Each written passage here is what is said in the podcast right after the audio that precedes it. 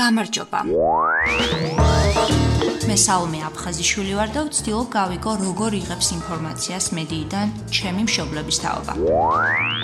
ეს არის დედასთვის პროექტ 64-სა და მედია ჩეკერის ერთობლივი პოდკასტი.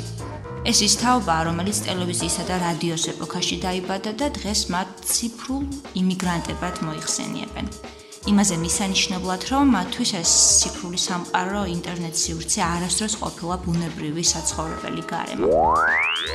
პოდკასტის თითოეული ეპიზოდი გაგაცნობთ ერთ ციფრულ იმიგრანტს და მასთან ერთად კრიტიკულად გავაანალიზებთ მედიას, მედია ციგნიერების ხუთი მთავარი კითხვის მიხედვით.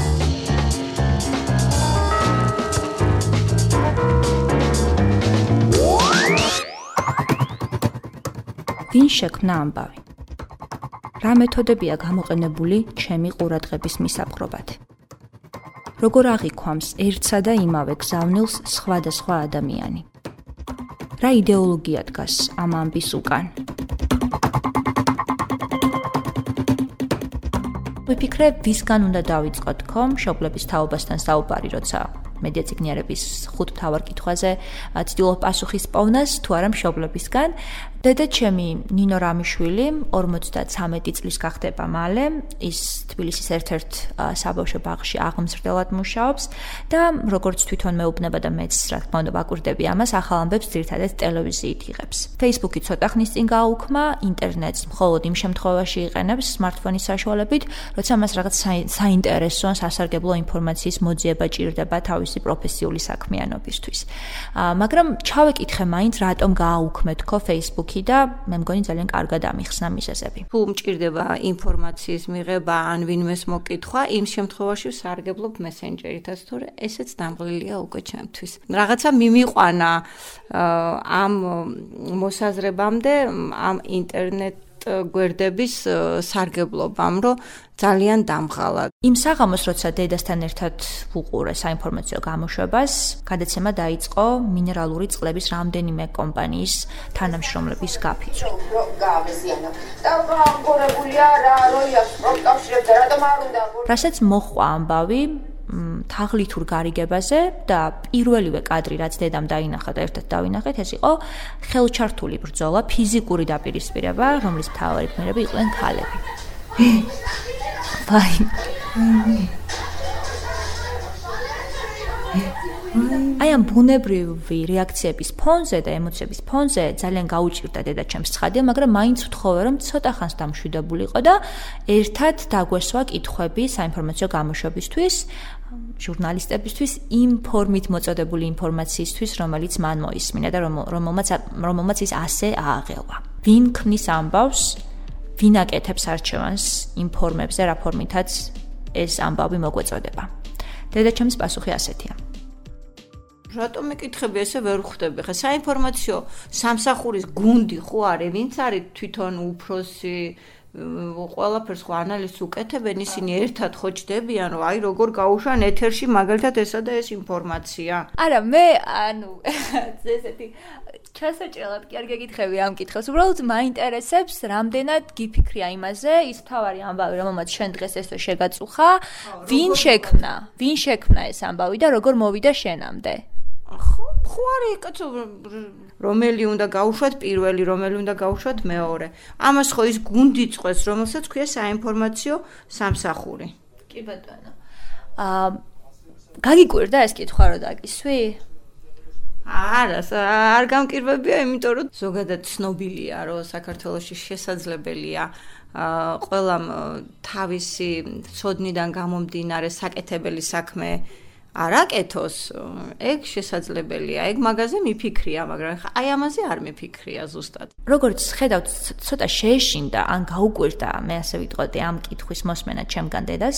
ამ ცოტა გადაუხვი ამ თავარ სათქმელს კითხვის მიზანს, მაგრამ ამ გადახვევის მიუხედავად ძალიან მნიშვნელოვანი დეტალი დეტალს გაუსვა მან ხაზი.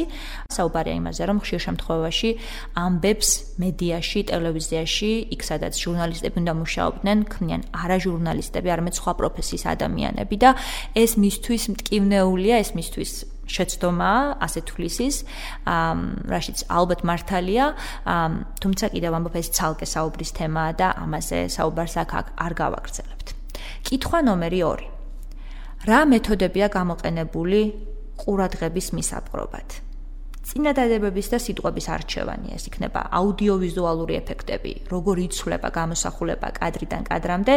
ეს არის მოსაბეზრებელი აუდიტორისთვის შეიძლება უმნიშვნელო ტექნიკური დეტალები, მაგრამ ამავე დროს გამოყენებული იმისთვის, რომ ზუსტად ამ აუდიტორიის გული მოიგოს ჟურნალისტმა და ამბის შემქმნელმა. ამიტომ ამ კითხვის არსი მდგომარეობს აი ამ ტექნიკების, აი ამ მეთოდოლოგიის დაშლაში, მარტივ მომრავლებად დაშლასა და ანალიზში. რას ხედავ?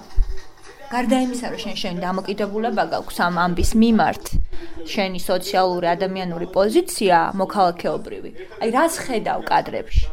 ვინ არიან ეს ადამიანები? ახლა როგორც საინფორმაციო სამსახური გვევნება გაფიცულები არიან და მათი თანამოაზრეები არიან. რა, ვინ არის? კაცები არიან, ბავშვები, ოჯახები, ქალები? ოჯახები არიან, აბა რა, ხა ოჯახები არიან, ოჯახებიც არიან და კონკრეტულად ანუ ძალიან მარტივ კითხავს გეკითხები, რას ხედავ კადრებში? ადამიანები არიან, კაცებიც არიან, ქალებიც არიან, ბავშვებიც არიან, კაცო და ბევრი მცდელობის მიუხედავად დედას ყურადღება მაინც ამბის შინაარსზე დარჩა, რაც ბუნებრივია. მიუჩვეველი თვალისთვის რთულია ტექნიკური დეტალების გამოკვეთა და მით უფრო მისი კრიტიკული ანალიზი. უფრო მეტიც მედია ციგნიერების ეს კითხვა ზოგჯერ წინააღმდეგობაში მოდის ჟურნალისტური თხრობის ერთ-ერთ მთავარ ხერხთან, რომელსაც საბოლოოდ აუდიტორია ემპათიამდე მიჰყავს. თამარ მშვენიერაძე საზოგადოებრივი მაუწყებლის გადაცემა რეალური სივრცის ჟურნალისტი და პროდიუსერია და ამბობს, რომ არჩევანის წინაშე მისი სიტყვებით რომ თქვათ, დრამის ბაზარზე არსებული კონკურენცია აყენებს. და მას ეს საკუთარ თავზეც გამოუცდია. ჩვენ ერთ ჩამოსქროლვაზე შეიძლება ვნახოთ რამდენიმე ტიპის ადამიანური ისტორია. ერთ ჩამოსქროლზე ჩვენ შეიძლება შევხვდეს სამი პოსტი იმის შესახებ, რომ ვიღაცას აქვს სიმსივნე და არ აქვს ფული რომ იმკურნალოს. აქვე შეიძლება შევხვდეს რამდენიმე საქველმოქმედო მოწოდება, რომელიც ძალიან ღიად ჩემ აზრით პირადი სივრცის დარღვევით გვაჩვენებს ადამიანებს უმძიმეს მდგომარეობაში და აი ამ ზღვაში ცრემლსადენი ისტორიების აა ჩვენ ჟურნალისტებს იმისათვის რომ ყურადღება მივიპყროთ ეს ერთადერთი სტრატეგია დაგვჭა თითქოს რომ აი ამ ძა პრსევდიან ისტორიებს რაც შეიძლება კიდევ უფრო სევდიანი მაგრამ ნამდვილი ამბავი დაუპირისპიროთ რა. რომ კონკურენცია გაუწიოთ აი ამ დრამის ბაზარზე და ეს არის რაღაც დრამის ბაზარი, ამ დრამის ბაზარზე ჩვენც ვიყოთ ჩვენი მოპოვებული ისტორიით, ჩვენი მოპოვებული ნამდვილი დრამით კონკურენტუნარიანები. და ეს არის დიდი კონკურენცია და ამ კონკურენციაში აღმოჩნდით ჩვენ სამწუხაროდ. ამბის თრობის მეთოდებზე საუბარი ჩემს კოლეგასთან ერთად, თამართან ერთად კიდევ გაგრძელდა და ძალიან საინტერესო დეტალები გამოიკვეთა და მან თქვა რომ და მე ვეთანხმები კიდეც ამაში რომ ამბის თხრობის დრამატული, ეფექტური მეთოდი გამართლებულია მაშინ, როცა ამ ყველაფერს ემპათიამდე მივყავართ. უკვე რაღაც ასე ვთქვათ, ენით აუწერელ სიმაღლეებს უნდა მისწუდე იმისათვის, რომ აა გამოიწვიო ადამიანებში ემპათია იმისათვის რომ ჩვენ უკვე იმ ეტაპზე ვართ როცა რაღაც ახლოხეთში პირამოკერილი ადამიანების ფოტოები არანაირ გავლენას არ ახდენს ჩვენზე. ჩვენ ვართ იმ ეტაპზე სადაც რეალურად ცრემლები ა ცრემლები აღარაფერს აღარ იწვევს. აა იმიტომ რომ ამ ეტაპამდე მივედით. და ჩვენ ვართ უკვე იმ ეტაპზე, როცა ერთი კონკრეტული ადამიანის რაღაცა ასე ვთქვათ, კონტექსტში ადამიანის დრამატული ისტორია ახდენს ჩვენზე გავლენას, იწვევს ჩვენში ემპათიას და სხვისი ვთქვათ არა. და ესეც არის რაღაც რაღაცის ბრალი რა, იმიტომ რომ იმ რომელიღაც ადამიანის მიმართ უფრო ვართ ემპათიურები, ვიდრე სხვის მიმართ, რაც ცნაურია. და ტრენდი ეს არის, ტრენდი არის დრამის გათამაშება. და არც ახალია პრინციპში, უბრალოდ ბევრია ეხა და ყოველასთვის ხელმისაწვდომია რა. ბოლოს რამაც სერიოზული ემპათია გამოიწვია დედაჩემში და გამოიწვია მხოლოდ მას შემდეგ რაც ნახა რომ დაარბიეს, ნამახვან ხესის ასე ვთქვათ, რიონის დარეჯების, რიონის ხეობის დარეჯების მიმართ გაუჩნდა სოლიდარობის შეგრძნება, წავიდა აქციაზე ვთქვათ. და ეს მხოლოდ მას შემდეგ მოხდა, როდესაც ნახა რომ დაარბიეს რა. აა კლასიკური შემთხვევა რეაგირებს მაშინ, როდესაც ხედავს, რომ ვიღაც უბრალოდ ფიზიკური ძალით იწევს კონკრეტულ ჯგუფზე რა. ამ ამ შემთხვევაში რეაგირებს. გასაგებია, ხო. მაგრამ შეიძლება ასევე მარტივად გადაერთოს, ვთქვათ, რაღაცა ცრუ მხარდამჭერი გვერდების მიერ გავრცელებულ ინფორმაციაზე, ან ცრუ მედიების მიერ გავრცელებულ ინფორმაციაზე. კითხვა ნომერი 3. როგორ აღიქვამს ერთსა და იმავე გზავნილს სხვადასხვა ადამიანი? ეს კითხვა ინტერპრეტაციების მრავალფეროვნებაზეა, ანუ ერთსა და იმავე ამბავს დედა და შვილი, სტუდენტი და პროფესორი, ქალი და კაცი, ბებია და შვილი, შვილი, დასაქმებული და უმუშევარი. აა უფრო მეტიც ორი საუკეთესო მეგობარიც კი ერთნაირად ვერ გაიგებს, ერთნაირად ვერ აღიქვამს. ამიტომ კითხვა ნომერი 3 გვაძლევს საშუალებას ერთმანეთს დაუპირისპიროთ სხვადასხვა ადამიანების მიერ აღქმული ერთი და იგივე ამბავი. ო რაღაცა მე მგონია რომ ჩემს გარშემო ვინც არიან ადამიანები მე მგონია ამ ადამიანების მდგომარეობაში შედიან და ისინიც ესე განიცდიან მეტნაკლებად და აი რა შეიძლება ბებიას რომ თქვი კარგად მითხარი ბევრჯერ ბებია ამ ინფორმაციებს რო ისმას ტირალის დაურეკია, რომ გესმის ნინო რას ამბობენ, გესმის რა ხდება, აი როგორ მოქმედებს ნახე, ნახე რა ხდება. აი როგორი საყურებელია ახლა ესა. ერთი მნიშვნელოვანი რაღაც აღნიშნან ჩემს გარშემო ადამიანები ვინც არიანო მე მგონი რომ ყველა თანაუგრძნობსო გაფიცულ თანამშრომლებსო რას გულისხმობ ამაში შენგან განსხვავებული აზრის მქონე ადამიანები ვერ თანაუგრძნობდნენ? ამას გულისხმობ თუ სხვა რამეს? არა, ვიღაცისთვის შეიძლება არ იყოს ახლა მათი პრობლემა გულთან მისატანი. არის ესეთი კატეგორიის ადამიანები, რომელსაც სხვა ინტერესები აქვს და სულ არ უყურებენ ამ საინფორმაციო გამოშვებას და არ ესმით. არც აინტერესებთ. შესაბამისად, ისინი ახ გულთან ახლოსაც ვერ მიიტანენ რა ხდება და რა ამბავია. კითხვა ნომერი 4. რა იდეოლოგია დგას ამ ამბის უკან? სიტყვა იდეოლოგია ამ კონტექსტში გულისხმობს კონკრეტული ღირებულებების, რწმენა წარმოდგენების, პოლიტიკური, ეკონომიკური, რელიგიური თუ სხვა შეხედულებების ერთობლიობას, რომელიც ჩვენს ყოველდღიურ ქმედებებს და არჩევანს განაპირობებს.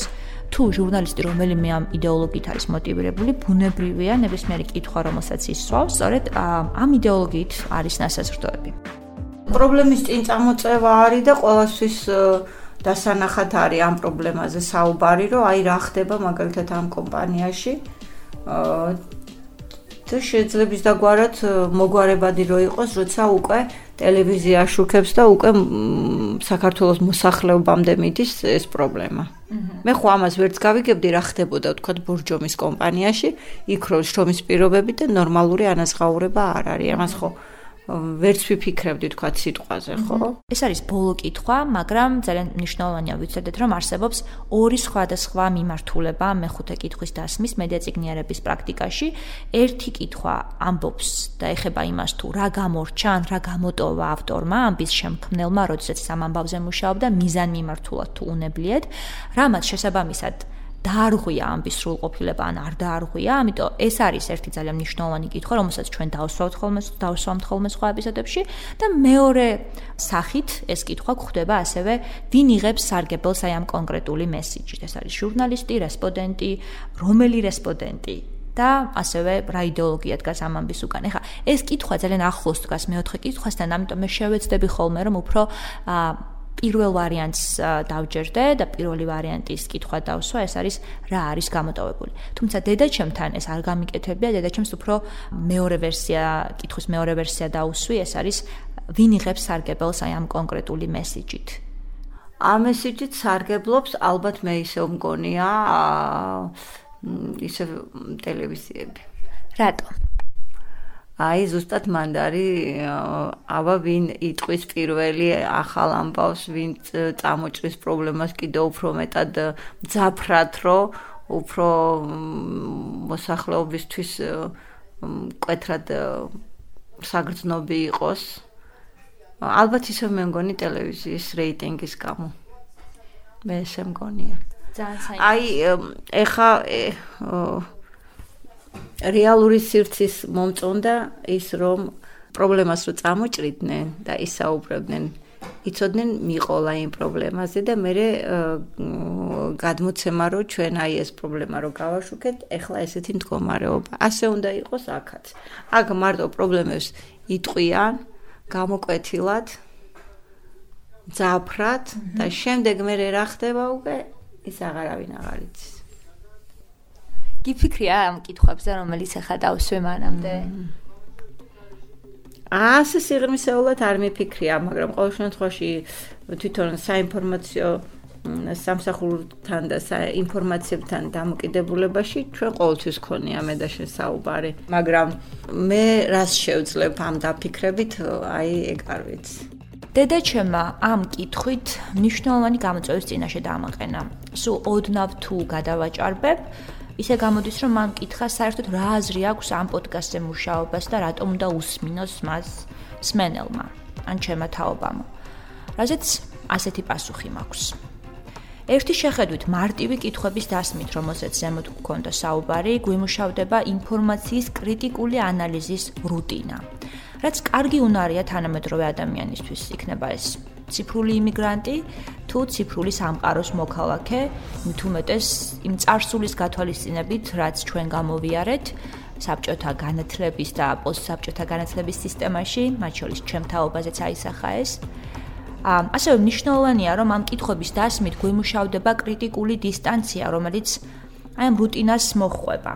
და ეს გვეხმარება იმაში, რომ გავანეიტრალოთ ეს რაღაცა დრამატული ველი, რომელსაც ხშირ შემთხვევაში ქმნიან ჟურნალისტები და ქმნის მედია და გვეხმარება, რომ გადავრჩეთ და არ დავიხრჩოთ აი ამ ცრემლსადენი ისტორიების ზღლაში.